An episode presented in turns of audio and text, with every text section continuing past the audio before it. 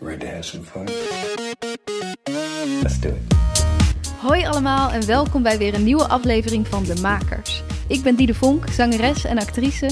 En sinds ik ook zelfstandig muziek en theater ben gaan maken, merkte ik net als veel van mijn collega-makers dat ik tegen een aantal dingen aanliep. Vragen als hoe krijg je je werk aan de man? Hoe hou ik mezelf productief? En wat doe ik als ik even geen inspiratie heb? Daarom ben ik deze podcast begonnen, waarin ik elke week een inspirerende maker interview en vraag om tips. Vandaag spreek ik actrice en theatermaker Hanneke Last. Deze aflevering is het tweede deel van een reeks van drie korte interviews die ik in Tapas Theater live met publiek heb opgenomen. Dus een beetje anders dan anders. Hanneke is actrice, zangeres en theatermaker. Sinds ongeveer twee jaar is ze begonnen met zelf theater te maken met de voorstelling die dan ook heel toepasselijk Begin heet. Het verliezen van haar vader op jonge leeftijd was voor haar een heel duidelijk begin. We hebben het over hoe verlies ook een begin kan zijn, de waarde van het delen van jouw verhaal en over hoe je dan begint. Hier is Hanneke Last. Ik ben Hanneke Last. Ik ben uh, bijna 35 jaar. Uh, ik heb uh, eigenlijk het grootste deel van mijn carrière sinds ik in 2008 ben afgestudeerd van de Amsterdamse toneelschool onder regisseurs gewerkt als freelance actrice. En sinds uh, anderhalf, twee jaar ben ik bezig met het maken van mijn eigen werk. En uh, dat uh, omhelst eigenlijk muziek, theater, spoken word, alles wat ik schrijf. Mm -hmm.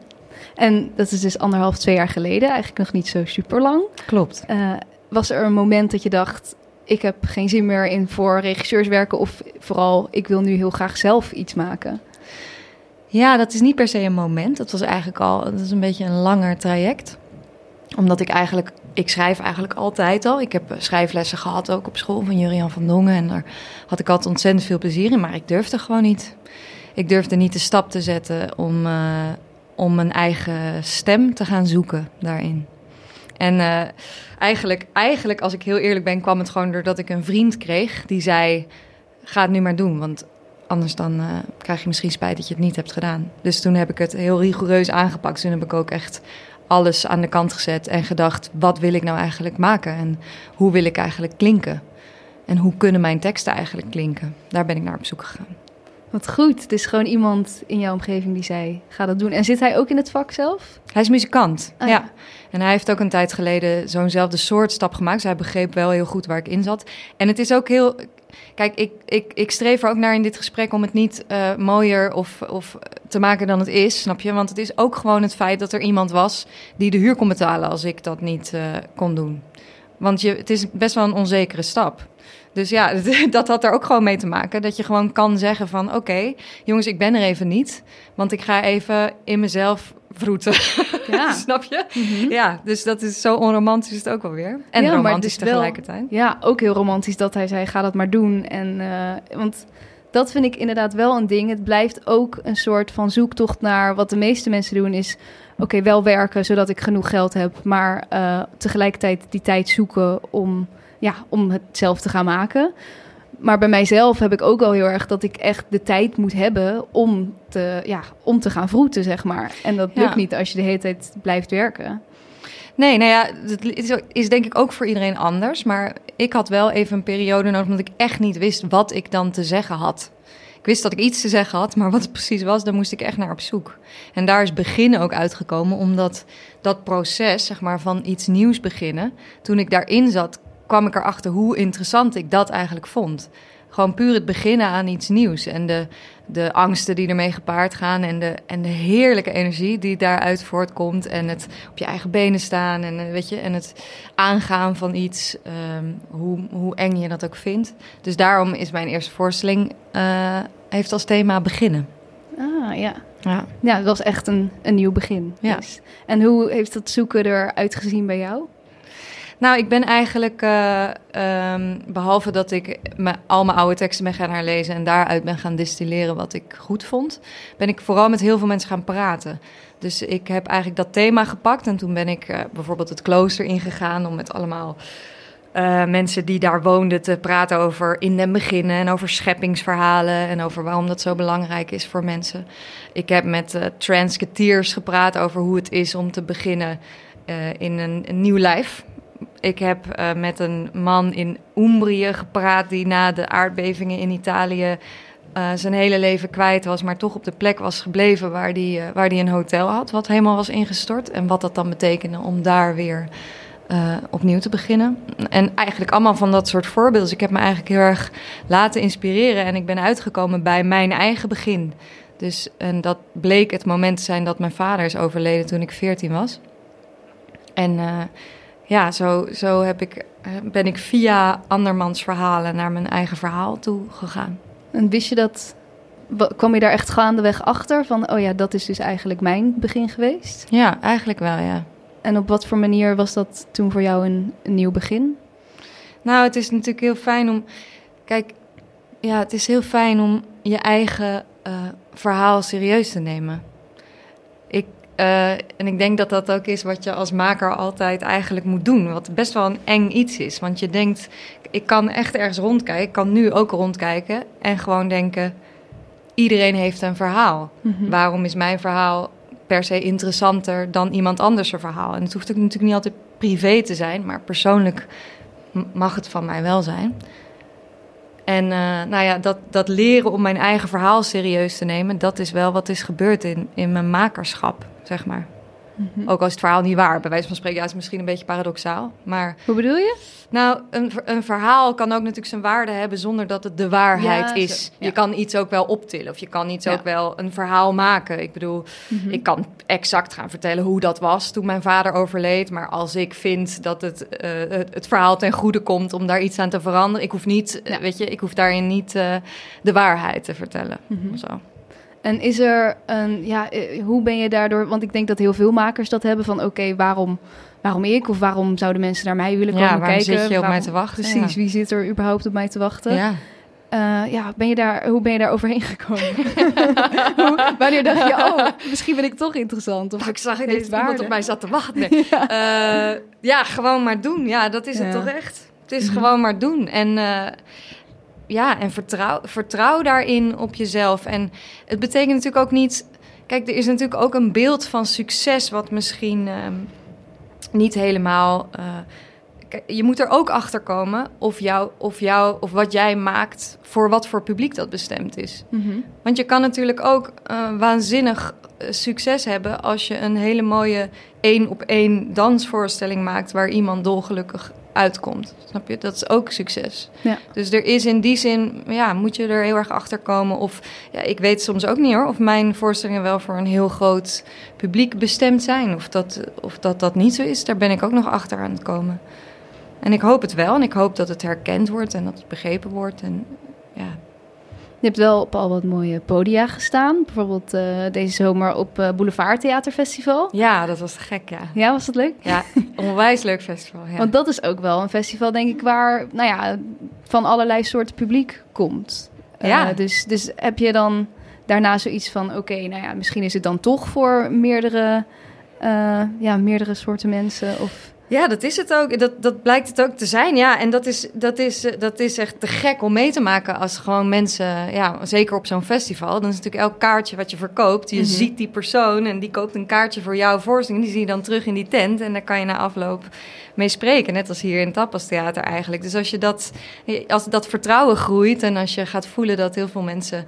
Uh, inderdaad iets meemaken waarvan je hoopt dat, dat ze het meemaken. Of uh, inderdaad begrijpen wat jij vertelt en, uh, en geeft. Dan is dat wel, ja, het klinkt super cheesy, maar het is echt een gift. ja, het is, ja. Echt, het is echt te gek om mee te maken, ja. Ja, zeker. Ja. En, maar hoe, uh, hoe, hoe, lang heb je erover gedaan om het te maken, jouw voorstelling? Ja, ik heb verschillende versies gemaakt. Dus dat, dat is wel een beetje, dat is eigenlijk een beetje anders. Ik heb eigenlijk de insteek gehad om het overal en altijd te kunnen spelen. Dus ik heb een Mhm. 20 minuten solo versie, ik heb een 30 minuten versie met band, ik heb een uur en een kwartier met band. En dus dat, dat zijn hele verschillende dingen. Maar ik ben er echt wel anderhalf jaar wel mee bezig geweest. Steady, steady Mhm. enough. Niet alleen maar daarmee, maar wel En, steeds. en ja. dan, dan heb je dus zo'n voorstelling van of 20 minuten of een uur. En hoe ben jij toen ja, bezig gegaan met die verkopen? Zonder een impresariaat of uh, iets. Ja, ik kende natuurlijk wel mensen uit, gewoon, uh, uit het vak. Gewoon omdat ik al jaren daarin werkte, wel. Niet als maker, maar als actrice. En um, daar ben ik eigenlijk uh, wederom gewoon met mensen gaan praten. Uh, mensen weten niet wat je doet als je er niet mee naar buiten komt. Dus je zult op een gegeven moment toch ook een beetje moeten, ook al weet je het zelf nog niet helemaal, een beetje moeten bluffen en moeten zeggen van hey, dit ben ik aan het doen. Want anders kom je gewoon nergens. Ja. ja. Dus dan, die stap moet je gewoon zetten. En als je mensen hebt die je tof vindt en mensen hebt waarvan je denkt: hé, hey, uh, ik kan dit, jij kan dat.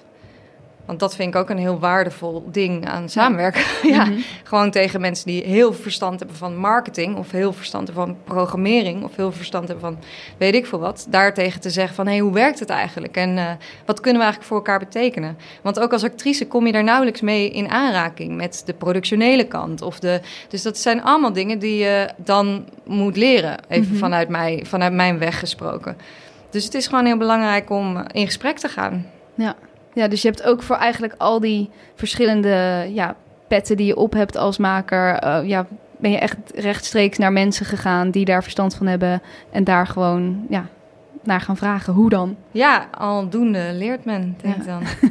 ja, ja, denk ik ook. Ja. En uh, nu ben je dus anderhalf jaar verder, of ja, twee, anderhalf jaar, twee jaar. Ja. En uh, ja, wat, wat zijn je nieuwe plannen? ben je alweer met iets trouwen? nieuws ja, ik ga oh, nou, over twee weken. Gefeliciteerd. Ja, dat is heel leuk. Maar dat is mijn huidige project.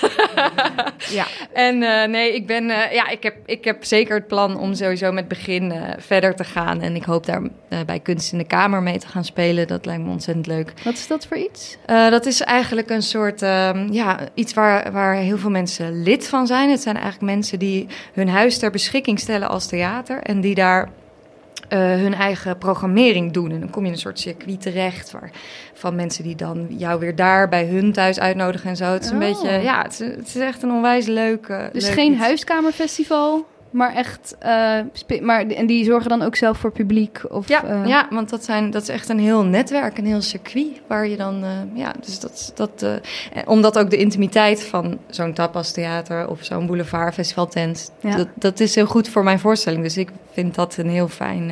dus je bent niet op zoek naar de carrés of de concertgebouwen? Nog niet. nog niet. Als ik diezelfde intimiteit daar kan creëren, dan, dan ben ik wel binnen, denk ik. Ja. Top. ik heb, zoals ik je vertelde altijd een vraag van de vorige gast, ja. uh, die ik dan aan jou stel. Uh, net zat ik hier met Marijn Brouwers. Mm -hmm. En die, zijn vraag aan jou was eigenlijk... Uh, ja, we hebben het eigenlijk al een beetje over gehad, maar omdat jouw voorstelling natuurlijk Begin heet, waar ben jij begonnen? Ja, nou ja, dan kom ik toch, dan ga ik toch zeggen bij de dood van mijn vader. Ja, ook omdat dat heeft mijn hele wereld gevormd. En mm -hmm. dat is ook iemand waar ik het voor doe gek genoeg. En ook, ik vind het ook een heel mooie gedachte om bij zoiets tragisch of zo'n tragische gebeurtenis in je leven te kunnen zien dat het een begin is. Ja, dat je daaruit kan putten. En, uh, ja. Heel erg mooi. Ja. Dankjewel. Heel graag gedaan. um, heb je nog een vraag voor de volgende maker? Jazeker. Ja, ik, uh, nou ja, hoi Joris. Ja, het is uh, Joris van Veldhoven, uh, grote kostuum- en decor- en poppenontwerper hier in Nederland. Hij maakt voor echt hele grote theatervoorstellingen van allerlei producenten, uh, ja, de decors, et cetera. Nou, ja. Nou, mijn vraag is eigenlijk omdat natuurlijk de kunstmatige intelligentie ongelooflijk in opkomst is. Vroeg ik me af of hij, als hij alles zou mogen doen of je een soort visioen zou hebben wat je met kunstmatige intelligentie kan doen in theater? dat is een gekke vraag. Top. Ga ik hem stellen. Oké. Heel erg bedankt. Jij bedankt. En jullie bedankt. Iedereen bedankt. Nou, snel klaar. Oh, echt? Ik dacht dat je al... Nee, dat was nog vijf minuten. Ik moest toch oh. na vijf minuten moest ik toch Oh, sorry. Ik denk, uh, oh, nou, uh, we zijn... We zijn... Vragen uit de zaal. nou ja, misschien wel. Zijn er mensen die vragen hebben? Die, uh, oh, sorry, we zijn niet te snel klaar. Ik dacht, ik moet, ik moet snel afronden. Ja, ik was hem na 15 minuten, dus je hebt nog drie minuten. Ja. Oh, ja. Zou je iets meer willen vertellen over wat het overlijden? De vraag uit de zaal was hier of Hanneke iets meer zou kunnen vertellen over hoe het overlijden van haar vader haar gevormd heeft. En waarom dat zo'n duidelijk begin was. Ja, zeker ja. Uh, nou, ik was dus 14 toen mijn vader overleed. Na best wel een lang uh, ziekbed ook.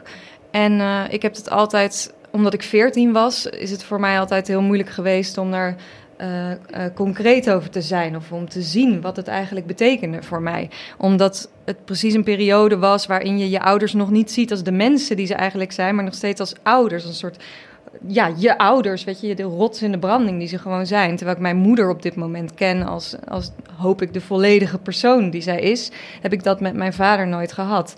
En voordat mijn vader overleed, is er eigenlijk weinig wat ik me kan herinneren wat niet goed ging in mijn jeugd. Dus dat is zo'n ehm, klap geweest en zo'n, uh, ja snijpunt eigenlijk in mijn bestaan. Dat daarna, de periode daarna moest ik alles opnieuw uh, benoemen bijna. Weet je? Ik moest de hele wereld opnieuw gaan zien in het licht van het feit dat zoiets kon gebeuren. En dat kan ik eigenlijk nu pas achteraf, kan ik dat uh, zien. In die tijd deed ik gewoon maar wat. Ja, ging je gewoon door, door met leven. Dus ik denk met terugwerkende kracht dat het me zo ontzettend gevormd heeft. Ja. Dus deze voorstelling heeft ja, eigenlijk ook dat in laten zien. Ja, ja op een bepaalde manier heb ik het aangedurfd om het, om, het zo, om het zo serieus te nemen. Om mijn mhm. eigen verhaal zo serieus te nemen. En het verhaal van onze familie. Mhm. Ja, ook een groot ja, cadeau bijna dat je het ja, nu dat zelf hebt uh, kunnen inzien. Ja, dat is het wel. Ja, ik denk ook dat dat nog vet, dat dat niet een punt is of zo, van inzicht van waar, waarvan je kan zeggen, nou, dit is het dus. Mhm. Maar dat, dat je dat de rest van je leven, dat dat zich verder ontwikkelt. Maar ja, het is wel iets wat ik, um, nou ja, en ook dat ik, dat ik niet wil schromen om daarover te vertellen. Ik vind het ook heel leuk dat je het vraagt, omdat ik denk dat het vertellen van verhalen aan elkaar uh, iets heel goeds is. En iets, uh, um, ja, dat het met echt contact te maken heeft als je, als je echt iets over jezelf durft te vertellen. En uh, dat dat ook een gift kan zijn, omdat ik het heel lang heb ervaren als dat ik iets vroeg. Hoe bedoel je iets vroeg? Nou, dat ik dan zei, ja, uh, dan zei iemand, goh, jeetje, wat erg, ja, je vader is overleden. En zei ik, ja, ja, ja, inderdaad, ja, dat is gebeurd, weet je wel. Ja, en dan voelde ik een soort schroom, omdat ik dan dacht van, ja, daar kom ik met mijn mm. verhaal, weet je wel. Ja, wie zit er, nogmaals, wie zit er nou op te wachten? Maar dat het ook een gift kan zijn als je iets over jezelf vertelt, omdat je dan iets blootgeeft en iets opent. Ja. En uh, nou ja, niet dat mijn voorzitter daar alleen maar over gaat hoor. Of dat je alleen maar mijn persoonlijke verhalen krijgt. Maar het is mijn verhaal. Ja, dat is, mhm. dat is gewoon zo. Ja. Heb je dan uh, tot slot misschien nog een, een tip voor andere, ja, andere mensen die net beginnen met maken en die denken, ja, ik wil ook over twee jaar op boulevard staan? Of ik, uh... Nou ja, begin. begin en uh, maak contact. Ja, wees niet bang. Ga, ga het doen. Maak contact met mensen die je tof vindt, die je goed vindt. Of mensen waarvan je denkt dat ze iets weten wat jij niet weet. Schroom niet. Durf te zeggen, ik weet dit niet. Oké. Zitten we nu op de 20 minuten? je hebt elke keer van die mooie afsluiting. ik denk het wel. Nou, nogmaals heel erg bedankt. Jij bedankt, ja. Oké, excuus, ik ben duidelijk niet zo goed in het bijhouden van de tijd, maar ik ben blij dat we hierdoor nog ruimte hadden voor zo'n mooie publieksvraag. Het jezelf openen en je verhalen delen als een gift zien vind ik een super mooie manier om er naar te kijken. Als je je bijvoorbeeld weer eens afvraagt wie zit er op mij en mijn verhaal te wachten. Ik vond het ook slim dat ze echt voor elk aspect van het makerschap mensen om hulp is gaan vragen. Dus niet alleen bij het maakproces, maar ook gewoon programmeurs bij theaters, mensen die PR doen en noem maar op. Soms voelt het misschien bezwaarlijk, maar vergeet niet dat het ook heel menselijk is om mensen te willen helpen. Dus vraag het gewoon. Als jij net gaat beginnen met maken, ga op onderzoek uit naar wat het is dat jij wil vertellen. Hanneke is juist aan superveel andere mensen gaan vragen wat hun begin was of wat beginnen voor hun betekent. En zo kwam ze er langzamerhand ook achter wat haar verhaal was. Vraag om hulp en vooral begin gewoon. Heel erg bedankt Hanneke voor je openheid en je mooie verhaal. Tot volgende week. Vond je dit een leuk gesprek? Abonneer je dan op de podcast en volg de Makers Podcast op Facebook en Instagram. Delen en reviewen is heel erg fijn en laat het me vooral weten als je nog gasten of vragen hebt die je graag wilt horen. Volgende week staat er weer een hele bijzondere, inspirerende gast voor je klaar. Deze podcast werd gemaakt door mij, Diede Vonk, en de muziek is van David Zwarts. Tot volgende week bij De Makers.